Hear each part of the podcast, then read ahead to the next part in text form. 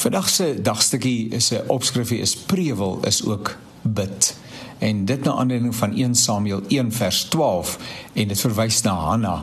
Terwyl sy so aanhoudend voor die altaar bid, het Eli haar mond opgehou, omdat Hanna in haar hart met die Here gepraat het en net haar lippe geroer het sonder dat haar stem gehoor kon word. Het Eli gedink sy is dronk.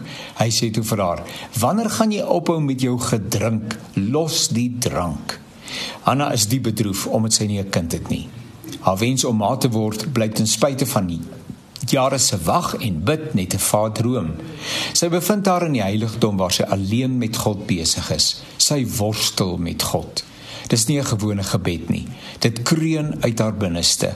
Dis seer, dis rou en stikkend. Sal haar wens dan nooit verwerklik word nie? Sy is sielsongelukkig. Sy bid tot die Here terwyl sy vreeslik huil. Eli sien hierdie desperate vrou. Haar optrede lyk vir hom verdag. Hy wys haar tereg. 'n Mens moet daarom jou plek ken en eerbied hê vir die Allerheiligste.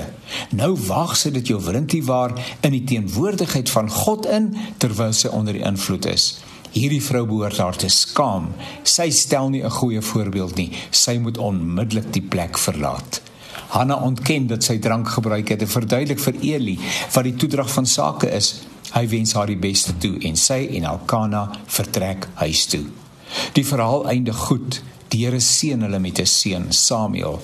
Hy word, soos wat sy beloof het, na die tempel gebring om daar vir die Here te werk. Ek wonder of jy al so stikkend was. Lyk my of baie mense in die tyd waarin ons lewe stikkend is. Dit ontstel dat ons kinders so stikkend is. Sommige ontvlug vlug letterlik uit die lewe. Dis net te hartseer vir woorde. Onthou, die Here sien jou raak en hy hoor jou prewel gebede.